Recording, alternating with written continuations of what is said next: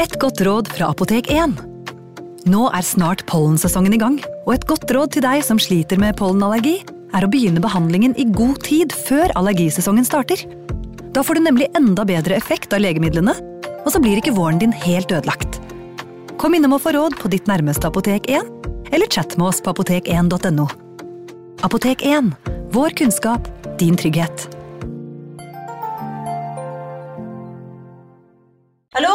Jeg kommer fra Oslo politikammer. Ine Jansen er purk. Er du purk? The motherfucking bitch. Alt jeg vil, er å finne ut hva som skjedde med mannen min. Jon Carew. Er jeg sikta for noe? Iben Akeli. Det er du. Ole So, Lars Berrum og Big Daddy Karsten. Hvem sin side er du på, egentlig? Anette Hoff, Tone Danielsen, Kommer du fra Afrika? Jørnis Josef, Nesten kløfta. Trond Espen Seim, Det er synd å si det, men det var feil mann som døde. Purk. Premiere tirsdag på TV2 Play. Ungsamtalen fra DNB er økonomisk veiledning tilpasset deg som er ung. Bokk en ungsamtale på dnb.no. slash ung. Det er kjempebra hvis du skal inn på boligmarkedet, hvis det er drømmen din, liksom. Det er det du skulle sagt. Og så kunne du ropt litt mer, da, sånn som jeg gjorde. Bam! Advarsel. Historiene vi forteller i denne podkasten kan være fiktive og avvike fra den opprinnelige historien av dramaturgiske årsaker. Meninger og påstander i historiene reflekterer nødvendigvis ikke programledernes meninger eller virkeligheten.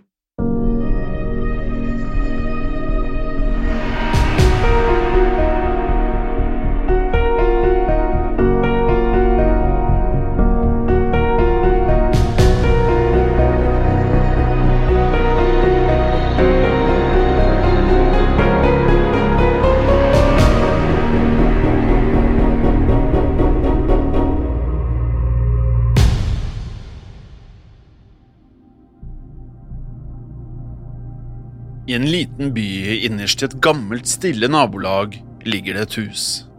Foran huset står det et hvitt skilt på grove metallstenger. Ordene som er malt på skiltet, forteller de få bilistene som måtte passere, at huset snart vil være til salgs. Flere av husene i nabolaget har lignende skilt i hagen. Nabolaget var en gang fylt av gledeshyl fra lekende barn. Lukten av grillmat svevde gjennom luften på varme sommerkvelder. Blinkende julebelysning lyste opp gaten og den dype snøen i vintermånedene.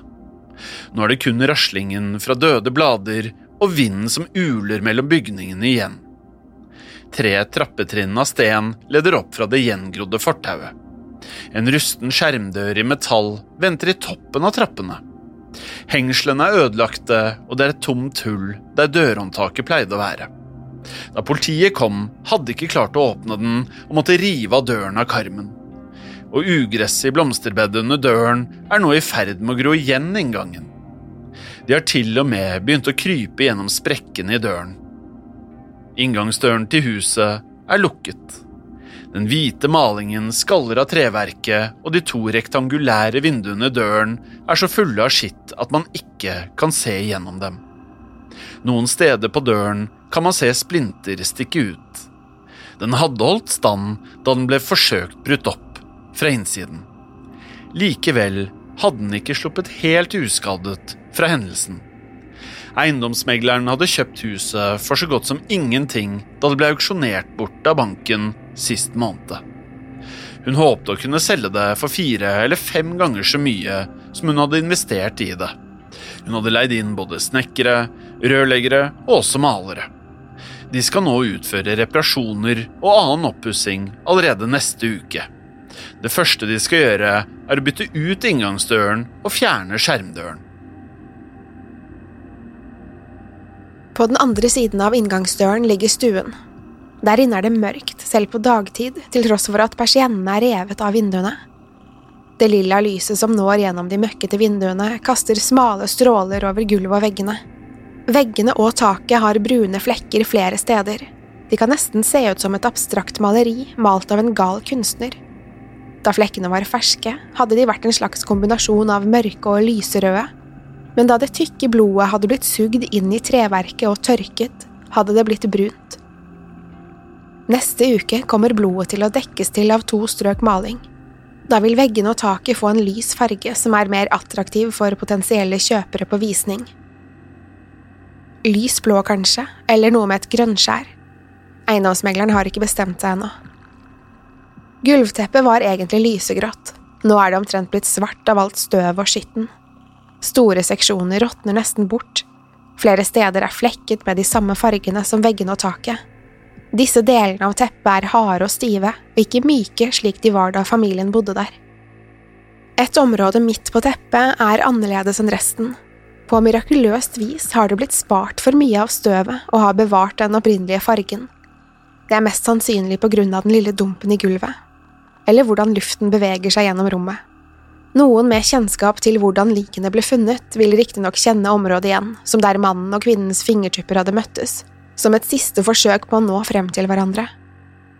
Gulvteppet vil bli byttet ut i løpet av neste uke. Det nye teppet kommer til å være ganske likt som det gamle, bare rent og uherdet. Det er ingen av de som kommer til å komme på visning som vil tenke over at to personer har dødd i rommet. Det vil ikke lenger være mulig å se. En dør i stuen fører inn på kjøkkenet. Der finnes det enda flere flekker, selv om det er færre av dem enn i stuen. De er også lenger unna hverandre der inne. Den støvete kjøkkenbenken mangler større biter langs den ene siden. En lang sprekk strekker seg ned langs kanten, like ved der komfyren pleide å stå. Tregulvene har en rekke dype hakk, som et spor. Det fører bort fra kjøkkenbenken og helt til den knuste glassdøren ut i bakhagen. Hakkene var slått inn i gulvet da komfyren var blitt revet løs fra veggen og kastet tvers over rommet. To merker i gulvet viser hvor stekeovnen hadde landet. Det som er mindre synlig, er et lite hakk i gulvet i hjørnet av kjøkkenet. Det er ikke stort mer enn halvannen centimeter bredt. Likevel stikker det nesten dobbelt så dypt ned i treverket. Et lite stykke metall fra tuppen av en kjøkkenkniv sitter fremdeles fast nede i hakket. Eiendomsmegleren fikk et godt tilbud på ny benkeplate og et pent gulvbelegg hos den lokale byggevarehandleren. Den var i ferd med å legges ned fordi eieren skulle pensjonere seg. Derfor var alt i butikken umåtelig billig. Eiendomsmegleren måtte likevel betale full pris for komfyren, noe hun fremdeles var irritert for. Seks eller syv teppebelagte trappetrinn fører ned fra kjøkkenet til en kjellerstue. Veggene langs trappen er dekket i kloremerker. Den over 90 kilo tunge mannen hadde forsøkt å holde seg igjen der, mens den lille jenten hadde slept ham oppover trappen. Hun hadde kun holdt han med én hånd. Fingrene hennes hadde gravd seg inn i huden i leggen hans. Blodet hadde sildret fra benet, og han hadde skreket av full hals. Han kjempet forgjeves, for de eneste sporene etter han var kloremerkene på veggen. Han hadde knukket alle ti fingernegler i kampen. Noen kloremerker på veggene kan selvsagt repareres lett. Alt som skal til, er litt sparkel. Gi det nok tid til å tørke før man pusser over det med sandpapir, så er det klart til å males over. En halvtimes arbeid er alt som skal til for å skjule alle spor etter en mann som kjempet for livet mot jentens utrolige styrke. Kjellerstuen i bunnen av trappen var egentlig et oppbevaringsrom, men familien hadde bygget den om så snart de flyttet inn i huset. Luften der nede lukter muggen og foreldet. Støvet henger i luften og er synlig i det lille av lys som slippes inn gjennom et lite vindu oppunder taket. Gulvteppet er hardt fra all fukten som er sugd opp i det. Det lager en slags knaselyd når det legges vekt på det. Veggene ser svarte ut på avstand, men de har egentlig en mørk rødfarge. De er også flekket, slik som veggene i stuen over. Men ulikt stueveggene er veggene i kjellerstuen helt dekket av flekker. Det er så tykt og kompakt at det ser ut som at blodet er blitt smurt på veggen med en malingsrulle. Veggene har absorbert så mye av blodet at de har forblitt røde i stedet for å falme til brunt. Det var i dette rommet at huset hadde grått blod. Den tykke, røde væsken hadde rent ned fra taket og nedover veggene i store strømmer. Det dekket alt det hadde kommet nær. Lukten av jern var fortsatt sterk i rommet. Kjellerstuen kommer til å være det vanskeligste rommet å pusse opp for arbeiderne. Blodet har farget veggene for mye til å bare male over. Den røde fargen vil fremdeles skinne gjennom. Arbeiderne kommer til å fjerne de veggpanelene som er der nå, og sette inn nye. De kommer kanskje ikke til å være spesielt solide, men de færreste av de potensielle kjøperne vil legge merke til det. Det kommer også til å spare eiendomsmegleren for en del ekstra kostnader, og det har hun aldri hatt noe imot. Så snart det er ferdig, kommer arbeiderne til å bygge ut listen langs gulvet før de river ut teppet. Dette må selvsagt også byttes. Lukten hadde blitt et problem. Blodlukt har en lei tendens til å dvele, spesielt i tette, fuktige rom. Det kommer til å ta flere dager, om ikke uker, å lufte ut av rommet slik at lukten forsvinner. Eiendomsmegleren håper det kun er snakk om dager. Selv om arbeiderne jobber svart, vil hun helst ikke at de skal fortelle om hva de ser i huset. Døren helt innerst i kjellerstuen kobler innsiden av huset med garasjen. Fra døren går det syv trappetrinn i sement opp til første etasje. Langs trappen er det et enkelt gelender i tre. Garasjen er stor og bred nok til at to biler kan stå ved siden av hverandre, og fortsatt er det god plass til oppbevaring. Eiendomsmegleren mener dette er et av de beste trekkplasterne til huset. Hun kommer til å legge mye arbeid i promoteringen av garasjen. Kjettingen fra den automatiske garasjeportåpneren henger ned fra sporene i taket. I enden er den satt sammen i form av en renneløkke. Hudrestene som hadde sittet fast mellom flere av kjettingløkkene, ble fjernet av politiet. Disse var bevismateriale. Likevel finnes det noen få hårstrå her og der som ble oversett. Det som var spesielt, var at de ikke kunne finne ut hvem i familien hudrestene stammet fra. En DNA-test viste at de mest sannsynlig tilhørte noen som ikke bodde der. Arbeiderne trenger ikke gjøre så mye for å få garasjen klar til visning.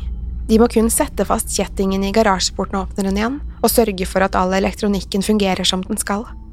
Om de finner hårstråene i kjettingen, kan man håpe at de fjerner dem. Så må alt det knuste glasset feies opp. Hver dag etter jobb kommer de til å møtes i garasjen. Her kommer de til å røyke og drikke øl.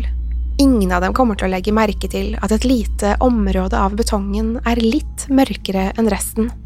Dermed kommer ingenting til å bli gjort med det men det er ikke sikkert potensielle kjøpere legger merke til det heller. Mest sannsynlig ikke, og da spiller det heller ingen rolle for eiendomsmegleren.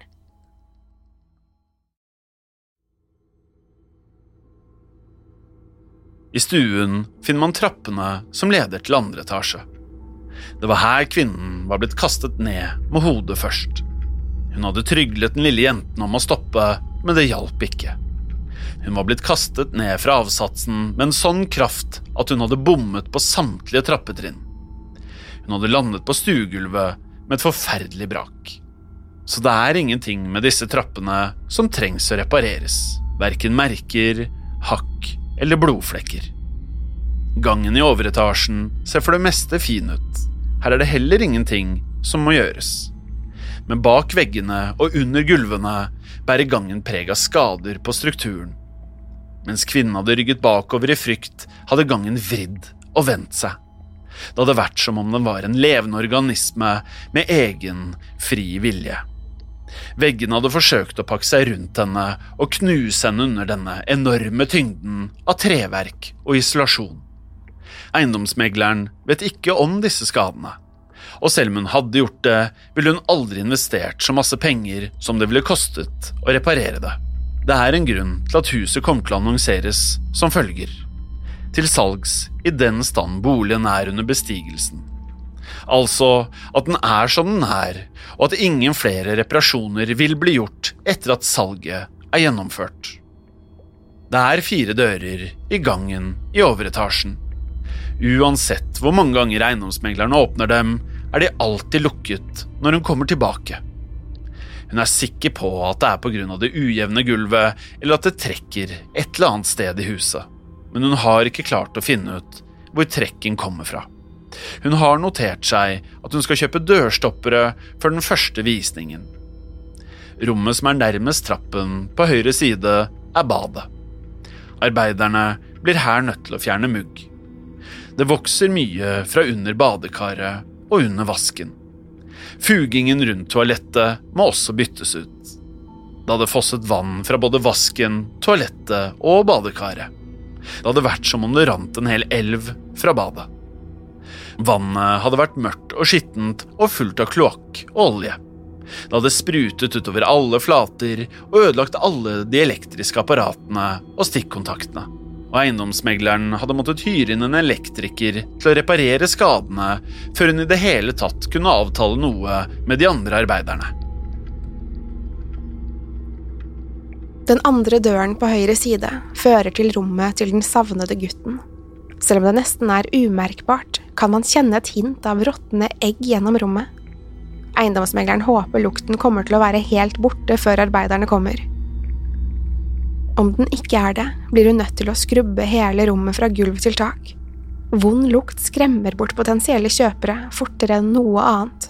Det vet hun godt. Arbeiderne må uansett rengjøre taket, selv hvis lukten ikke har forsvunnet. Svarte merker dekker hele overflaten. Det kan se ut som svimerker etter sigaretter. Merkene utgjør en rekke mønstre av sirkler og trekanter som er koblet sammen. Det er noe ved disse figurene som føles feil. Om man ser for lenge og for nøye på dem, kan man bli kvalm. Både eiendomsmegleren og politiet har opplevd det. Arbeiderne blir nødt til å vaske bort merkene så godt de kan før de maler over hele taket. Så snart malingen er tørket, kommer de til å legge et lag med stukkgips. Dette vil hjelpe til å dekke over svimerkene om de ikke blir borte under malingen. Hovedsoverommet er inn den første døren til venstre i gangen. Det er kanskje det merkeligste rommet i hele huset. Malingen her har blitt helt borte øverst på veggen. Likevel dekker den veggbekledningen og kanten langs gulvet. Det kan nesten se ut som om malingen har sklidd nedover treverket, eller kanskje smeltet av det. Eiendomsmegleren har ingen forklaring på det. Det hadde ikke politiet heller. Det er i det hele tatt mye politiet ikke fant svar på. Det er to vinduer på soverommet, og begge er helt ugjennomsiktige. Ved første øyekast kan det se ut som de bare er skitne, men det er de ikke. Det er selve glasset som er permanent tåkete. Det ser ut som rutene er punktert på flere steder. Vinduskarmene er så vridd at det ikke lenger er mulig å åpne vinduene. Sorte håndavtrykk dekker flere av overflatene i rommet. De må ha tilhørt et barn, for avtrykkene er så små og tynne med korte fingre. Flere av håndavtrykkene er smurt utover, men noen av dem er helt klare og tydelige, som perfekte avstøpninger av de små hendene. Her kan man til og se hver eneste bue av fingeravtrykkene. Avtrykkene er også kun fra en høyre hånd. Veggene inne på soverommet kommer til å bli malt over med to strøk, kanskje flere hvis arbeiderne ser at det er nødvendig. Vinduene vil bli skiftet ut og håndavtrykkene skal skrubbes bort. Om treverket i veggene må skiftes ut, så tar de det underveis der det er nødvendig. Det kommer ikke til å være noe som helst som tyder på at det har skjedd noe unaturlig i rommet i det hele tatt. Den siste døren i gangen, innerst til venstre, er rommet til den lille jenten. I motsetning til de andre soverommene i huset er det ingenting som ser ut til å være i veien med dette. Ingenting som må byttes ut eller dekkes til. Det er det minste soverommet og kan føles litt trangt og innestengt. Men ellers ser det ut som et hvilket som helst soverom i et hvilket som helst hus. Jentas seng hadde stått langs veggen lengst unna døren. Hun elsket å hoppe i sengen, selv om foreldrene hennes hadde bedt henne la være minst 100 ganger. Ved siden av sengen hadde det stått en liten kommode med to skuffer. En lampe med en enhjørning på hadde stått oppå kommoden. Dette var hennes favoritting i hele verden. En haug med kosedyr i alle størrelser og fasonger hadde stått på den andre siden av rommet inntil den motsatte veggen. Det største av dem var en enorm rosa elefant som faren hennes hadde vunnet til henne på tivoli. Den hadde store, blå øyne og et menneskelig glis. Den hadde vært så stor at den lille jenten fikk plass i fanget på den. Og inni klesskapet hadde hun hatt alle de fineste klærne sine. Dette var jentens penklær som hun brukte i selskaper og ved store anledninger. Hun hadde likt godt å gå i de myke kjolene med blomstermønster. Penskoene hennes derimot hadde vært stramme og ubehagelige. Hun hatet å gå i dem. På dagtid lekte hun med moren sin. De hadde teselskap sammen med alle dukkene og kosedyrene hennes. Om kvelden leste faren hennes eventyr for henne for han kysset henne på pannen og bredte dynene over henne. Broren hennes hadde sjelden kommet inn på rommet hennes. De gangene han kom, hadde de lekt med kosedyrene. De hadde gitt dem rare og morsomme stemmer og tatt dem med på oppdagelsesferder i hagen. Rommet hadde alltid vært fylt med glede. Latteren var så høy at det hadde gitt gjenlyd mot veggene. Smilene og kjærligheten familien hadde delt i akkurat dette rommet, var enorm. Men nå finnes det ikke lenger noe tegn på at huset har sett noe som helst annet enn død og ulykke. Den lille jentens rom står nå tomt. Snart vil kanskje en ny liten jente flytte inn dit. Det var der inne de hadde funnet jenta. Hun var for det meste uskadd, foruten at høyrehånden hennes var blitt helt svart og forkullet. Det kunne se ut som hele hånden hadde stått i brann. Hånden, men ikke noe annet. Det var ingen som klarte å finne ut av hvordan hun hadde dødd. I obduksjonsrapporten sto det at brannskadene i hånden må ha vært smertefulle, men langt fra dødelige. Det var som hun bare hadde falt om på gulvet. Like under vinduet på jentas soverom, under en løs gulvplanke, ligger det et metallskrin med ødelagt lås. Inne i skrinet ligger det en liten bok med svart omslag. Den har symboler skåret inn i seg, med en sylskarp kniv. Symbolene og merkene er både uforståelige og åpenbare på samme tid. Noen av dem er helt like svimerkene i taket på guttens soverom, men de aller fleste er helt annerledes, mye mer komplekse. Bokomslaget er revet i stykker flere steder. Siden i boken er gulnet og føles stive når de blas om. Boken har vært i huset i mange tiår, men den ble skrevet lenge før det. Hvordan den kom til huset og havnet under gulvet på soverommet, er umulig å vite. Det er en bok som aldri burde ha blitt åpnet, spesielt ikke av små, delikate barnefingre. I en liten by, innerst i et gammelt, stille nabolag, ligger det et hus. Det er et galskapens og dødens hus. Om to uker kommer det til å se ut som et hvilket som helst annet hus, og det kommer til å være til salgs.